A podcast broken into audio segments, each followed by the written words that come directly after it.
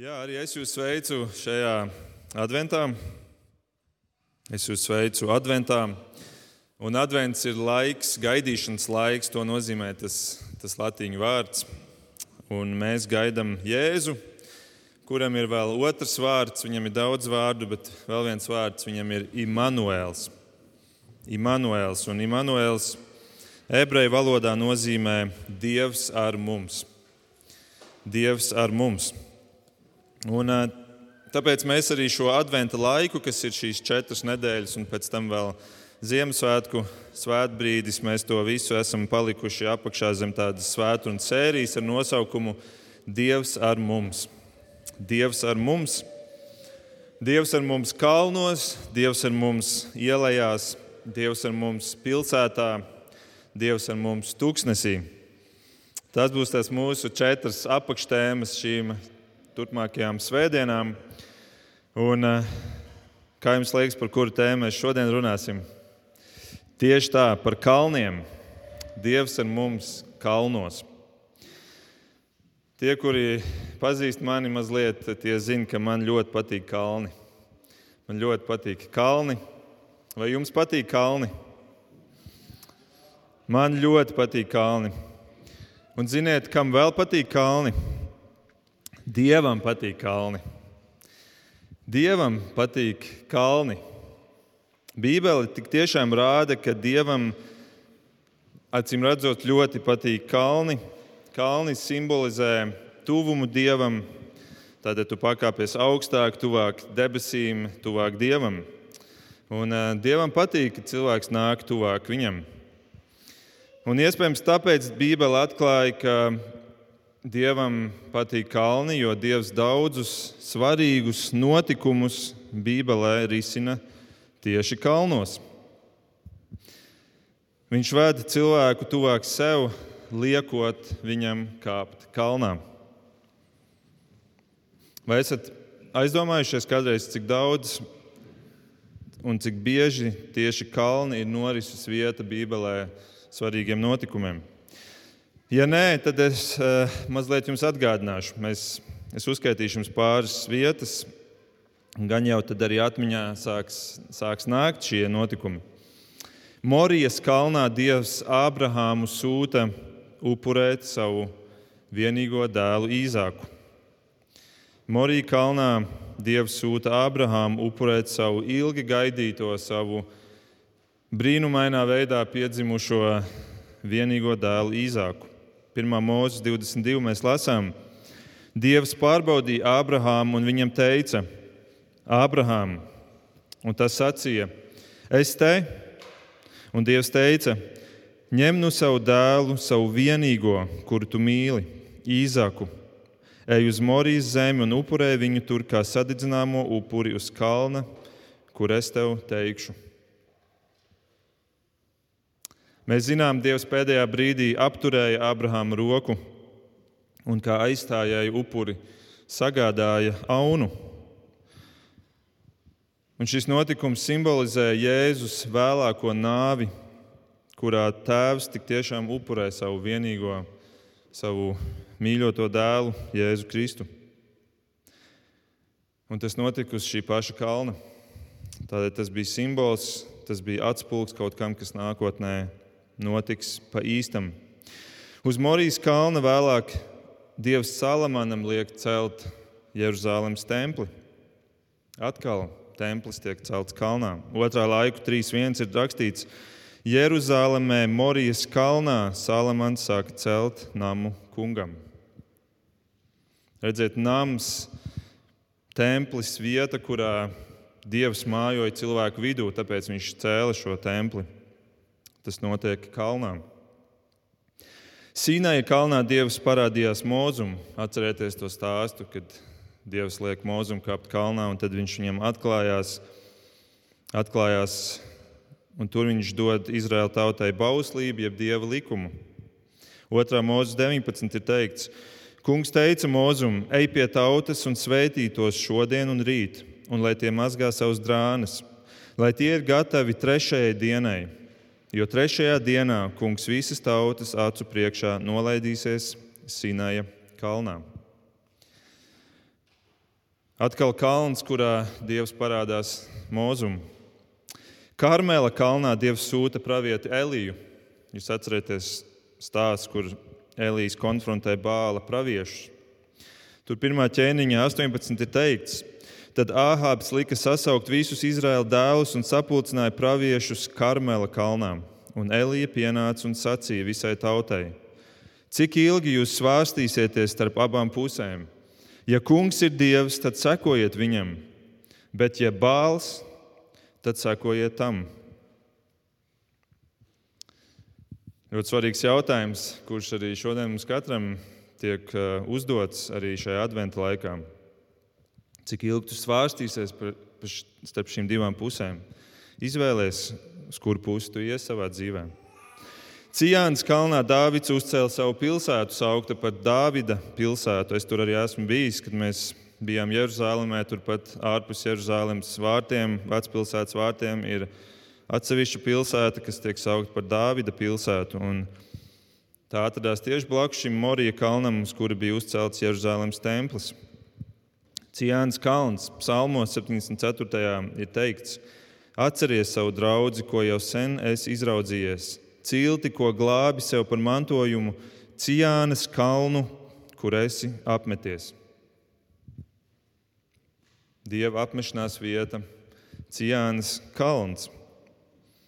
Ieklausieties, Dieva apmešanās vieta, kalns.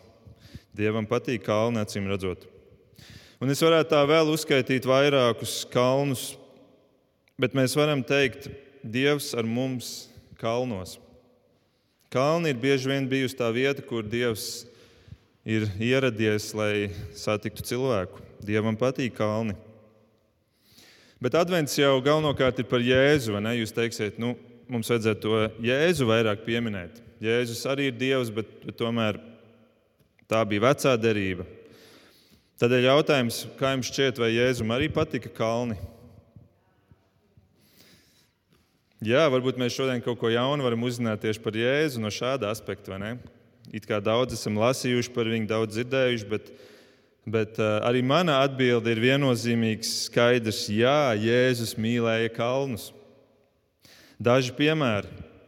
Kad Jēzus sāca savu misiju, viņš uzrunā tautu pasaules visslavenākajā, vispopulārākajā, visvairāk drukātajā izdotajā, tulkotajā svētdienā pasaulē, Kalna svētdienā. Kalna svētdienā. Mateja 5, 1-2 panti. Redzēdams ļaužu pūli, Jēzus uzkāpa kalnā un apsēdās, un viņa mācekļi sapulcējās ap viņu, un viņš tos sāka mācīt. Šī lielā kalna svētdiena, tas manifests, kuru šis ķēniņš, kurš ir ieradies, dod savai tautai. Vēlāk Jēzus savus mācekļus ieceļ kalnā. Viņam tajā brīdī bija daudz mācekļu, kas viņam sekoja, bet viņš no šiem daudziem izredzēja 12. Viņš atlasīja 12, un Marka 3 ir teikts, tad Jēzus uzkāpis kalnā, aicināja pie sevis tos, kurus pats gribēja, un tie nāca pie viņa un viņš iecēla 12, lai tie būtu ar viņu, un viņš tos sūtītu sludināt. Redziet, interesants maziņš fakts, bet atkal Jēzus uzkāpj kalnā, nošķirās no masas un aicina tos, kuri ir gatavi nākt pie viņa. Bet viņš pats tos ir izredzējis, viņš pats viņus ir aicinājis, tos, kurus viņš grib. Mēs lasām par 5000 paēdināšanu, viens no visslavenākajiem brīnumiem, kur tas notiek. Tas notiek kalnā. Jāņa 6 ir teikts, viņam sekoja liels ļaužu pūlis, jo tie redzēja zīmes, ko viņš darīja slimajiem. Tad Jēzus uzkāpa kalnā un tur ar saviem mācekļiem apsēdās. Un tad nāca šis pūlis, un viņi tika paēdināti. Pēc 5000 paēdināšanas Jēzus aizmūka prom no pūļa. Kāpēc? Tāpēc, ka šis pūlis tikko nobaudījis to dievišķo, debesšķīgo maltīti, grib iecelt viņu par ķēniņu. Uz kurien Jēzus aizmūka, jums šķiet? Pareizi, kalnā. Jāņa 6,15. Bet Jēzus nomanīdams, ka tie grasās nākt un viņus satvērt ar varu, lai celtu par ķēniņu, viņš devās atkal viens pats uz kalnu. Un mēs redzam no viena cita apraksta, tieši šim pašam notikumam, no Mateja apraksta, kādēļ Jēzus devās viens pats šajā kalnā. Mateja 14, 23. Ļaudis, at, ļaudis atlaidis, viņš viens uzkāpa kalnā, dievu lūgt. Dievu lūgt. Un vakaram nākot, viņš tur palika viens pats. Jēzus aizmūg no pūļa, lai uzkāptu kalnā, lai būtu brīdis dievu lūgt. Vēl Jēzus veids savas dziedināšanas kalnā. Ļoti interesants fakts, Mateja 15. Jēzus devās projām un nonāca Galilejas jūras krastā. Viņš uzkāpa kādā kalnā un tur apsēdās. Un liels ļaužu pūlis nāca pie viņa, un kopā ar tiem kropli, akli, tīzli, mēmi un vēl daudzi citi. Un tad Jēzus pieņem viņus un dziedina viņus. Jēzus apskaidrošana notiek kalnā, tepat teikts, ir augstā kalnā. Tur nāk Elija un Mūzus, kuri ir jau miruši. Viņi parādās tur un sarunājās ar Jēzu. Un Jēzus ir paņēmis līdzi savus trīs tuvākos mācekļus, Pēteru, Jēkabu un Jāni, kur ir liecinieki šim, šim neticamajam notikumam. Mātei 17 ir rakstīts par šo. Pēc sešām dienām Jēzus ņēma sev līdzi Pēteri, Jēkabu un Jāni, viņa brāli, un uzveda tos savrup augstā, kādā augstā kalnā, un viņš tā pa pārveidots to priekšā. Arī savās ilustrācijās Jēzus izmantoja kalnus. Matei 17. turpat tālāk rakstīts, ka Es jums saku, patiesi, ja jums ticība ir kā sinepju graudiņš, jūs sacīsiet šim kalnam, pārcelēs no šejienes uz turieni, un tas pārcelsies. Un tas pārcelsies. Protams, primārā kārtā runa ir par milzīgo grēka kalnu, kuru ticība spēja pārcelt un nocelt no tava ceļa pretī dievam. Pirms nāves Jēzus dzīvoja Olīvu kalnā, jeb Eļas kalnā. Lūkas 21 ir teikts, tajās dienās viņš mācīja templī, bet naktis izgājis ārā, viņš pavadīja uz tā sauktā Olīvu kalna. Un arī šī kalna pakājē atrodas ģecamans dārzs, kur jūda izkarjots ar skūpstu nodod viņu pretinieku rokās. Un pirms Jēzus noslēdz šīs zemes dzīves gaitu, viņš savu lielo misijas pavēli, kur mēs visi zinām no galvas pareizi. Kur viņš nodod šo pavēli? Tieši tā, kalnā. Matei 28, 16.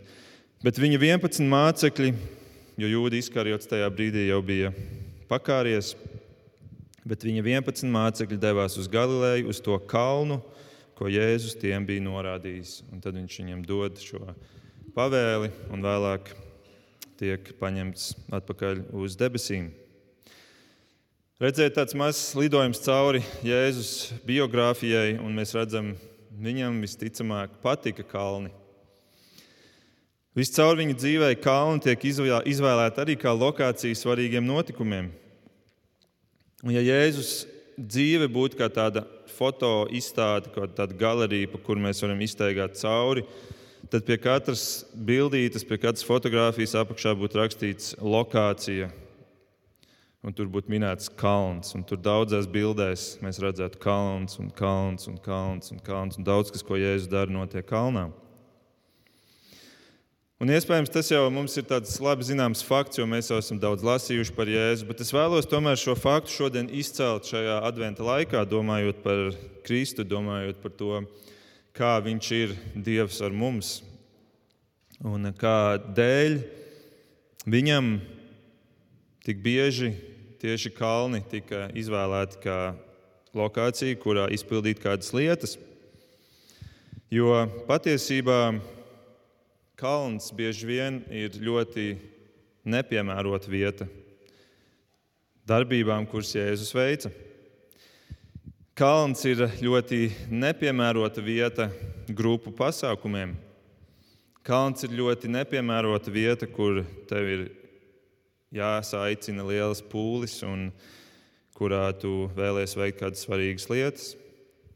Tā ir ļoti nepateicīga vieta pasākumu norisei. Un tas tikai apstiprina to faktu, ka izvēlēties kalnu ir ne tikai neparasti, bet pat mazliet neloģiski cilvēciski spriežot. Bet līdz ar to, acīm redzot, šajā izvēlē slēpjas kāda dziļāka nozīme. Mēs teiktu, Dievs ar mums, jā, bet kalnos kādēļ? Un es vēlos dot trīs īsas atbildes, kuras var palīdzēt saprast šo. Palīdzēt pieiet adventu laikam ar lielāku bijību, ieraugot varbūt, ieraugot varbūt šo visu jautājumu no šī kalnu aspekta. Un neuztraucieties, mēs jau esam svētrunas pusē, tā kā, tā kā tie punkti nebūs ļoti gari. Šis ievads bija mazliet garāks nekā parasti. Tātad trīs iemesli, kādēļ es ticu, ka šī izvēle dievam risināt lietas, bet arī pēc tam jēzum risināt lietas kalnā, kāpēc viņš to darīja. Numur viens, kādēļ? Tāpēc, ka kalnā ir grūtības. Uzkāpt kalnā ir grūti.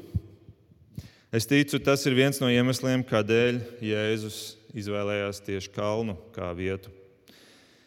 Es vēlos atgriezties pie viena no jau iepriekš lasītajiem pantiem, no Mateja 15, 29, 30, izlasīt šo vietu un tad mazliet par viņu padomāt.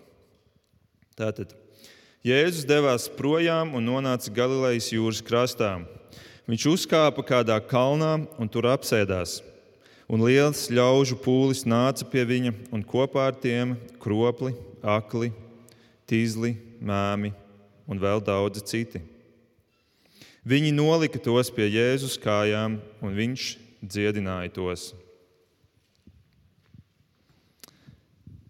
Kādēļ Jēzus izvēlējās uzkāpt kalnā, ja viņš zināja, ka tūlīt pie viņa tiks vēsti slimi cilvēki? Viņš ir omniscients, jeb viszinošs Dievs. Viņš zināja par to, kas notiks pēc brīža. Un tāpēc es ticu, ka tas nebija tā netīšām, tāda slikta plānošana, bet tā bija apzināta rīcība. Ko viņš vēlēs ar to pateikt? Skaidrs ir tas, ka šiem slimajiem bija jātiek līdz jēzumam, un tas bija grūti. Ja tu esi slims, Tev jau tā ir grūti pārvietoties. Bet, ja tu esi slims un tev ir jākāpj kalnā, tas šķiet gandrīz vai neiespējami. Veseliem cilvēkam jau ir grūti uzkāpt kalnā. Cik no jums pēdējā gada laikā ir uzkāpuši kādā kalnā, kur varētu saukt par tiešām kalnu? Nu, nesauksim gaiziņu kalnu par kalnu. Nedara. Nu, daži ir uzkāpuši ļoti labi, Daudzi nav uzkāpuši. Es varētu uzdot jautājumu, kuri vispār ir uzkāpuši tādā nopietnākā kalnā. Parasti tas iemesls ir, ir grūti, tāpēc mēs izvēlamies varbūt citas aktivitātes. Ir grūti. Es šonadēļ, pirmdien, vēl pats biju Pirenēju kalnos, un šonadēļ, vēl pirmdien, pagājušā nedēļa, bet šonadēļ arī sanāca vēl pēdējais kāpiens. Un, um, Un šie kāpieni mums sanāca piecas, piecos kalnos uzkāpt. Un, un tas, ko tu skaties, kad tu gatavojies šādam kāpienam, ir pat ne tik daudz, cik garš ir šis gājiens, cik kilometri ir tā distance, bet tu skaties, cik ir vertikālie metri, cik tev būs jāuzkāpj.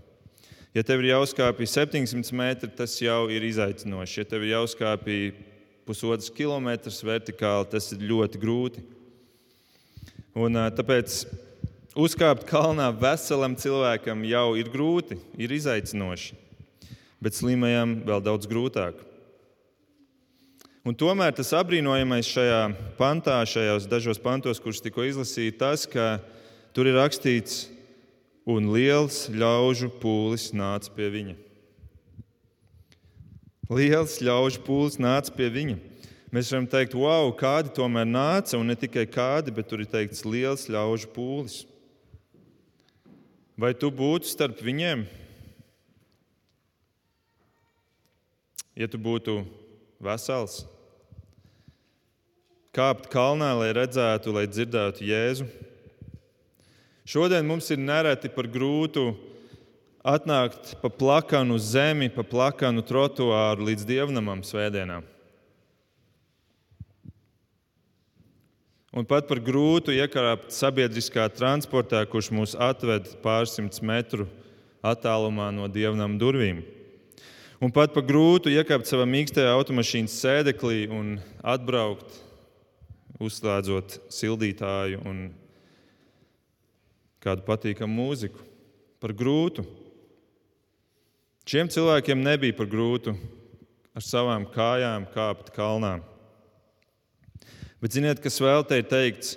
Un liels ļaužu pūlis nāca pie viņa un kopā ar tiem kropli, akli, tīzli, mēmi un vēl daudz citi.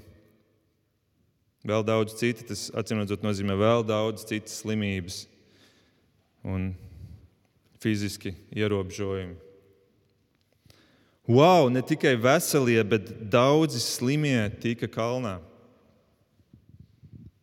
Iedomājies, aklajam tikt kalnā vai tīzlajam, kuram ar kājām ir problēmas, kuram paiet ir grūti vai gandrīz neiespējami.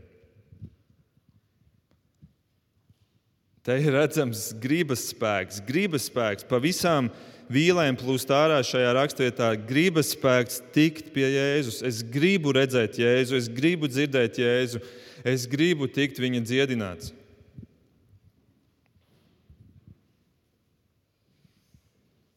Es, protams, ceru, ka pēdējais neaizēnoja tos pirmos divus iemeslus. Bet, lai vai kā, šeit ir redzams gribas spēks. Un varbūt tas nozīmēja arī lūgt saviem draugiem, lai viņi mani aiznes, Mēs redzam, šeit ir teikts, ka viņus atnesa un nolika pie Jēzus kājām. Arī šiem draugiem ir gribas spēks palīdzēt saviem, saviem draugiem tikt pie Kristus. Vai tev ir šāds gribas spēks tikt pie Jēzus? Vai tev ir šāds gribas spēks aizvest kādu pie Jēzus?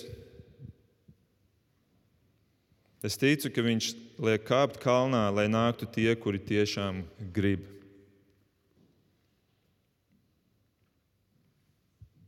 Mums viesistabā stāv tāds plakāts ar Čārlis Spērģena citātu, man liekas, es esmu jau to kādreiz minējis, kur ir teikts, ja Kristus tev nav viss, viņš tev nav nekas. Ja Kristus tev nav viss, viņš tev nav nekas kas ir tāds kā kopsavilkums Jēzus vārdiem no Lūkas evanģēlīja 14. nodaļas, kur Jēzus saka, ja kāds nāk pie manis un neienīs savu tēvu un māti, sievu un bērnus, brāļus un māsas un vēl arī pats savu dzīvību, tas nevar būt mans māceklis. Šokējoši vārdi. Bet tā pamatdoma ir, ja tavi mīļākie tuvinieki ir tev svarīgāki par Kristu, tie, kuri jau tavā, tavā prioritāšu līmenī ir pašā augšā, ja viņi ir svarīgāki par Kristu, tu nevari būt Kristus māceklis. Jo viņi kļūs par nepārvaramu kalnu, kurā ir grūti, pārāk grūti uzkāpt, lai aizsniegtu Jēzu.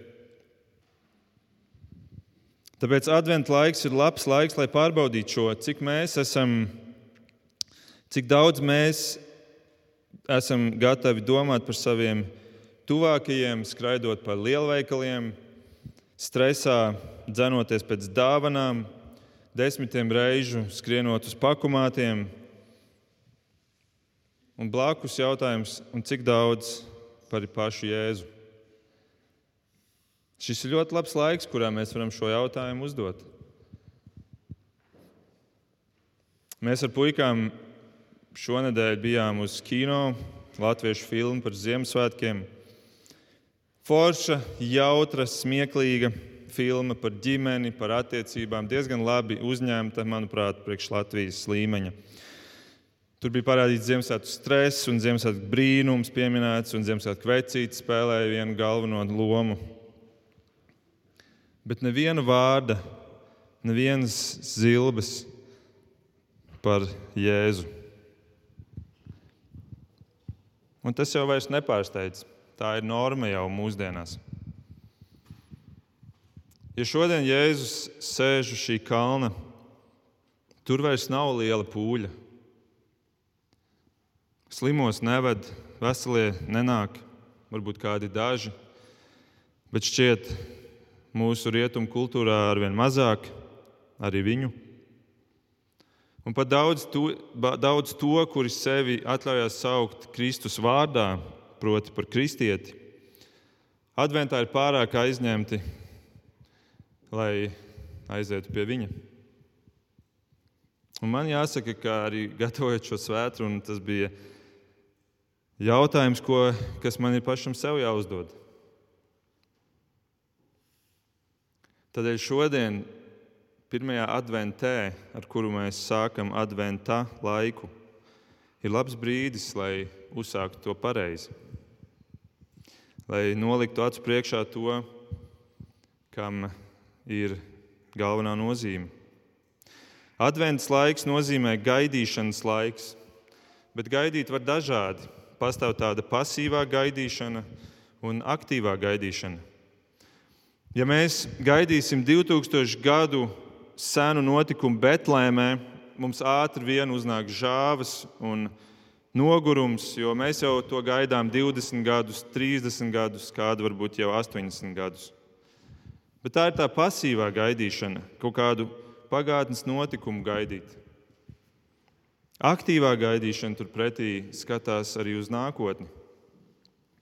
Nevis tikai uz pagātni, bet arī uz nākotni. Nevis tikai uz Jēzus atnākšanu Betlēmē, bet uz Jēzus otro atnākšanu manā nākotnē. Varbūt tas būs Rīgā, varbūt tas būs kādā citā Latvijas pilsētā, varbūt tas būs Anglijā vai Amerikā, kur nu es būšu. Un tādēļ advents laiks ir pārbaudas laiks, vai es esmu gatavs kāpt kalnā, lai satiktu Jēzu. Dievs ar mums jā, to es gribu. Bet vai es esmu arī gatavs kāpt kalnā? Vai es esmu gatavs lasīt Bībeli, klausīties tajā, ko Kristus ir, ir teicis, ko Kristus ir pavēlējis? Vai es esmu gatavs veltīt kvalitatīvu laiku Kristum? Vai es esmu gatavs, kā Linda skaisti to iepriekš minēju, pagriezt to prožektoru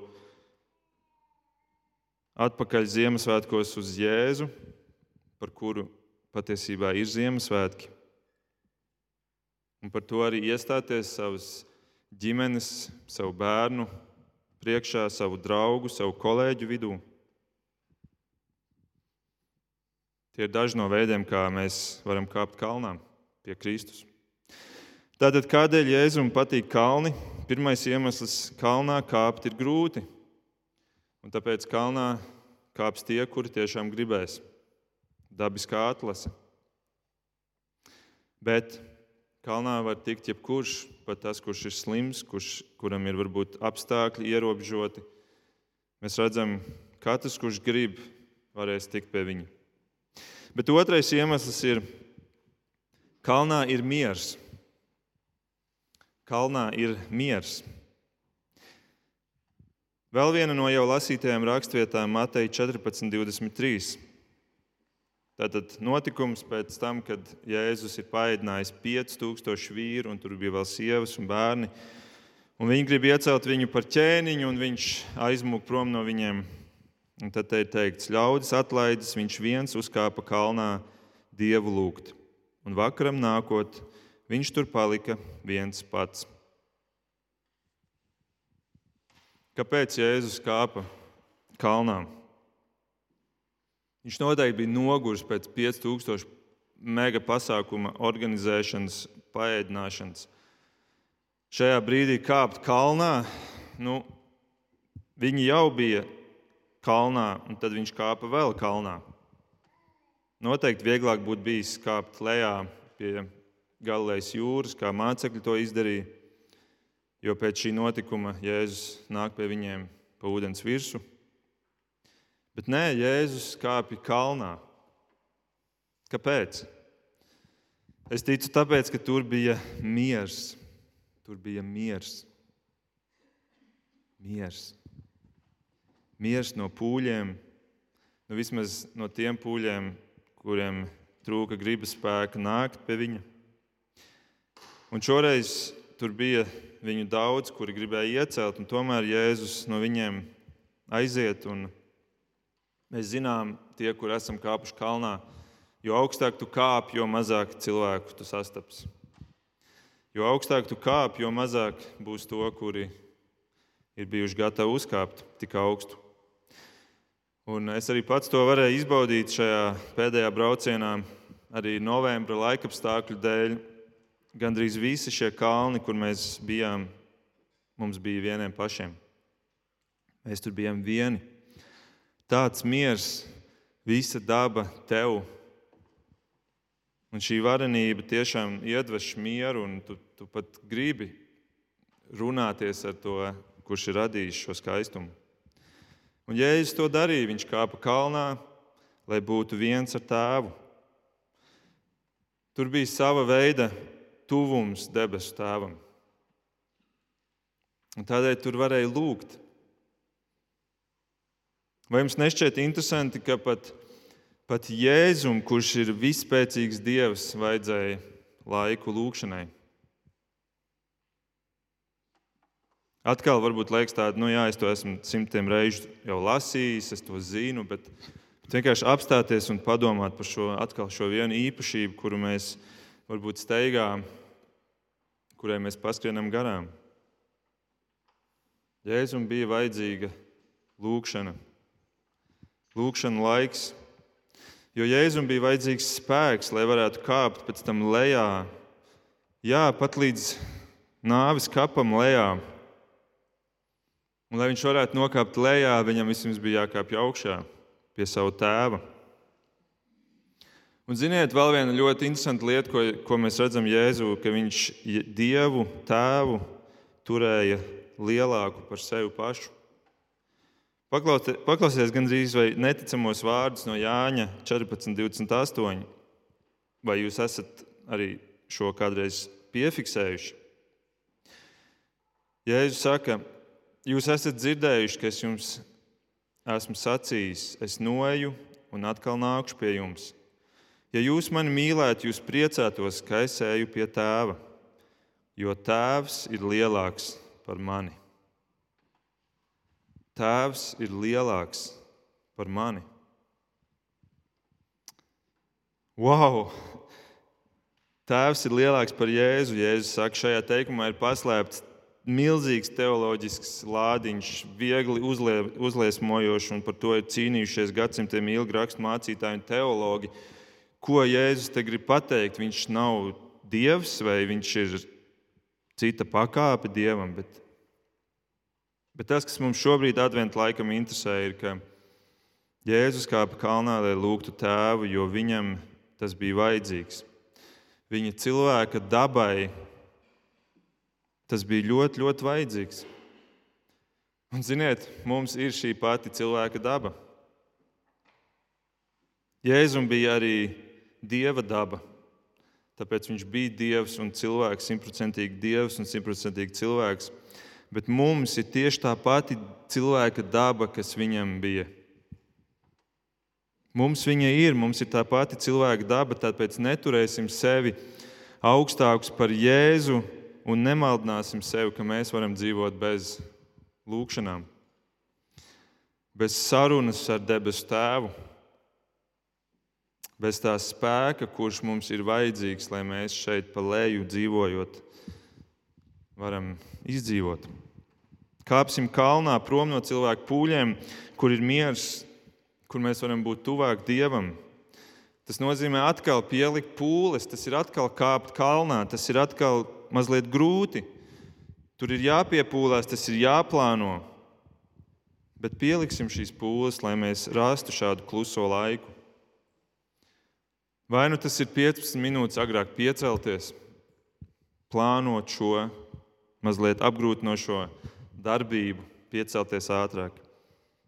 Vai varbūt tas ir pusstunda pirms gulētiešanas, ierezervēt kā laiku, kad es varu kvalitatīvi būt mierā un būt viens ar debes tēvu. Vai varbūt darba laikā uzlikt kalendārā atgādinājumu 15 minūtes, kad es varu vienalga, vai tas ir pusdienu laikā vai, vai kādā citā brīdī aiziet uz apspriešu telpu un uh, būt, būt šajā kvalitīvajā laikā kopā ar tēvu. Kāpt kalnā, lai lūgtu, kur ir miers. Kādēļ Jēzum patīk kalni? Pirmkārt, tāpēc, ka kalnā kāpt ir grūti, otrkārt, tāpēc, ka kalnā ir miers, un treškārt, tāpēc, ka kalnā ir risks, jeb riski. Kalnā ir vienmēr paaugstināta riska pakāpe. Kāpt kalnos vienmēr būs paaugstināta riska aktivitāte. Tu vari nokrist, iekrist, uzkrist, apkrist, tev var kaut kas uzkrist. Tu vari apmaldīties, tu vari palikt bez zonas, tu vari izmežģīt potīti un tāpēc kļūt trīsreiz lēnāks un nepaspēt gaismā atpakaļ tikt uz savu sākuma lokāciju un tā tālāk. Un arī garīgajā ziņā kāpt kalnā var būt riskanti. Kāpt kalnā var būt riskanti. Es jums ievadā stāstīju, ka Dievam, Tēvam patīk kalni. Es jums stāstīju, ka Jēzum patīk kalni. Bet es jums vienu lietu neizstāstīju. Es jums neizstāstīju, ka manuprāt arī Sātanam patīk kalni. Arī Sātanam patīk kalni, vismaz spriežot pēc šīs vienas raksturvietas, kuru es jums tūlīt nolasīšu, kas ir Mateja 4, 8 līdz 10. Vēlns viņu, tas ir Jēzu, aizveda uz ļoti augstu kalnu.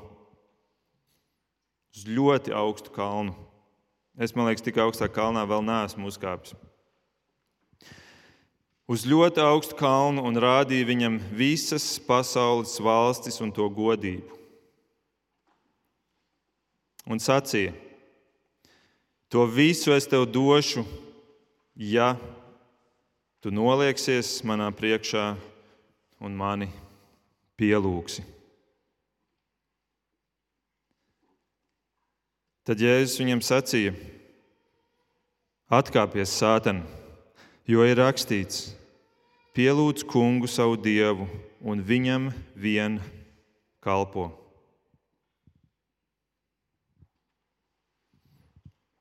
Sātans ļoti augstā kalnā uzved Jēzu un tad viņam rāda pasauli un aicina pielūgt viņu, lai iegūtu visu šo pasauli.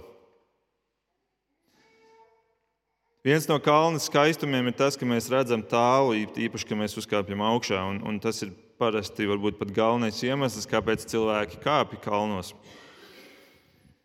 Un tas ir varbūt tādā garīgajā ziņā Pārnesot, varbūt tas ir tas iemesls, kāpēc daudzi kāpj karjeras kalnā, slavas kalnā, labsajūtas kalnā, šodien ļoti populāri, pašapmierināšanas kalnā. Un visos citos kalnos, kas, kas neved pie Kristus, bet kas ir vērsti uz mani. Visi šie kalni aizvedīs tev beigās pie kārdinājuma, iegūt šo pasauli ar vien vairāk un vairāk, un tu to gribēsi vairāk, jo tas nebūs tas, kas tev apmierina. Un tā šie kalni, šie skati, šī pasaule var kļūt par tādu elku. Par elku, kuru pielūdzam, par elku, kuram, kuram kalpojam. Nemaz nenojaušot, ka patiesībā ar to mēs kalpojam Jēzus ienaidniekam, Sātanam pašam. Tādēļ adventu laiks mums ir Dieva dots arī tādēļ, lai atgrieztu acu priekšā tos riskus, ar ko dzīvojam, un lai attīrītu sevi no, no tiem kā tādā detoksā. Advents ir kā tāds arī iespēja tādam detoksa, attindēšanās laikam, kur mēs attīramies no šiem riskiem. No riskiem, kur draud aizveidot šo dārgo Dievs ar mums pret pasauli ar mums. Aiz kā patiesībā stāv sātans ar mums. Tikai tādā viltīgā, skaistā iepakojumā. Bet, kad Jēzus tiek kārdināts ar tieši šo, ar ko arī mēs katru dienu tiekam kārdināti, ko viņš saka, kas ir viņa atbilde? Viņš saka, atkāpies sātaņ, jo ir rakstīts. Jo ir rakstīts. Tad, kad tu stāvi uz kalna un te piedāvā pasauli, tad atceries, ka tev kabatā ir ierocis un tas ir Dieva vārds, kur ir rakstīts, kur stāv rakstīts to pašu, ko Kristus pielietoja. Un ar to tu tiksi lejā no katra kalna sveiks un vesels, sveika un vesela. Ar to tu spēsi aizmiglot to skatu, kurš tev traucē, to redzi pret pasauli un padarīt skaidru redzi pret Dievu. Un to, ka Viņš ir ar tevi un ka to tev pietiek. Ar to tev pietiks. Pasauli vairs tu negribēsi.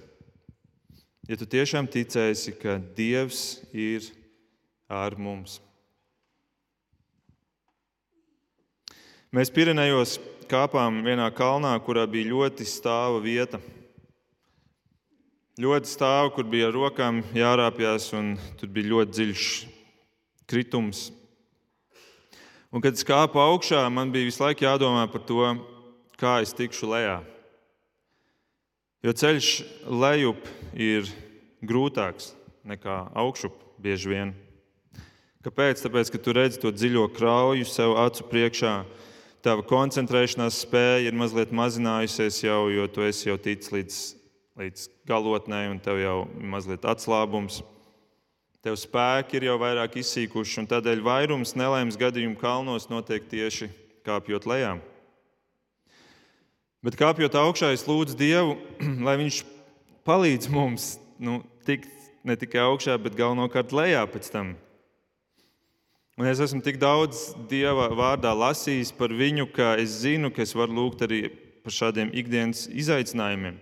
Pat ja reizēm tas ir manu pašu neprātības dēļ izraisīts. Un ziniet, kas notika? Liekas, ka notika vēl sliktāk, jo savilkās tumši mākoņi. Savilkās tāda kā migla, kas bija vairāk kā tāds sniega putenis, sāka snikt. Un tad, kad mēs bijām pašā galotnē, jau zeme bija mazliet balta un pūt, pūta vējš. Un, un likās, ka nu, nē, nu, mums ātri jāiet atpakaļ. Nav, nav tikko baudīt to brīdi, kad mēs esam uzkāpuši augšā. Bet kāpjot lejā, es sapratu, Mīgla man palīdzēja aizmiglot to skatu, kas mums bija priekšā. Un pilnīgi vairs nelikās, ka tas ir lielais dziļums, ar kuru tu vēl biji konfrontēts kāpjot augšā. Sniegs brīnumainā kārtā, tas slapjums no šī sniega padarīja akmeņus mazāk slidenus, gandrīz vai tādus lipīgus, jo Tie, kas ir kāpuši kalnos, zina, ka mēdz būt dažādi veidi sastāvā akmeņiem, un ir daži tādi, kuri reaģē pretēji, kad nevis viņi kļūst slidināki, bet tieši mazāk slideni, un tur tieši tādi bija. Un tā mēs nokāpām lejā tik viegli, ka mēs beigās teicām paldies Dievam par miglu un sniegu, ko Viņš bija mums devis šajā kāpienā lejup. Ticība Dievam un Viņa klātbūtnē, ka Viņš ir ar mums, tā nāk no Dieva vārda. Un tāpēc tas ir tas mūsu instruments arī šajā laikā, kad mēs adventā gaidām Kristu. Un lai adventā laiks mums liek pārbaudīt, vai mēs esam gatavi tām grūtībām, lai tuvotos Kristum, vai mēs esam gatavi meklēt miera brīžus, kuros mēs varam būt divatā ar debesu tēvu, un vai mēs esam gatavi stāties pretī pasaules kārdinājumiem ar Dievu vārdu, kuru mēs turam savā prātā un savā sirdī, kas var palīdzēt mums aizmiglot to skatu, kad mēs kāpjam lejā no tiem kalniem, kuros mēs esam kādreiz varbūt savā neprātā uzkāpuši. Lai Dievs mums palīdz un lai Viņš svētī mums katram šo adventu laiku. Lūksim! Debes Tēvs, paldies par Tavu vārdu. Paldies, Kungs, ka Tu esi radījis šo pasauli tik skaistu, ka šajā pasaulē ir kalni un ielas un tik liela daudzveidība, ka mēs to varam izbaudīt. Paldies, ka mēs varam dzīvot Latvijā, kur ir plakana, un tāpēc vēl jau vairāk novērtēt kalnus. Varbūt, un, un eh, paldies, Kungs, ka arī caur kalniem tu māci mums. Paldies, ka tā kā mēs lasījām 121. psalmā, ka mēs varam skatīties uz kalniem un, un um, tie mazliet atgādina par tavu varenumu. Bet paldies, Kungs, ka arī tu prasi mums kāpt tev pretī, ka tu gribi patiesus, īstus, tu gribi motivētus mācekļus, kuri nāk tevis dēļ, nevis, nevis tikai sauc sevi par kristiešiem. Un paldies, Kungs, ka pāri visam jau tu izdarīji to lielo darbu, ka tu paņēmi mūsu grēkus uz sevi un tu nokāpi visdziļākajā kapā, un ka mēs varam kopā ar tevi tikt augšām celt jaunai dzīvībai un ticībā tev arī tikt taisnoti. Paldies, ka arī šis adventu laiks par to atgādina ne tikai kā tu piedzimi, bet ka tu nāci, lai nomirtu un lai augšām celtos un arī mūs celtu jaunai dzīvībai, mūžībai. Lūdzu, sveitī mums katram šo laiku, ka mēs varam arī izmantot adventu kā iespēju arī stāstīt saviem draugiem par to, ko mums nozīmē Kristus gaidīšana. Lūdzu, dod mums drosmi un vēlmi arī nest citus, tie, kur varbūt ir, kā mēs lasījām, slimi un paši nevar atnākt, ka mēs varam viņus iedrošināt. Lūdzu, lieto mūs tik tiešām šajā laikā, ne tikai mums pašiem, bet arī citiem par svētību. Lai tev pār visam ir gods un slava un pateicība. Amen.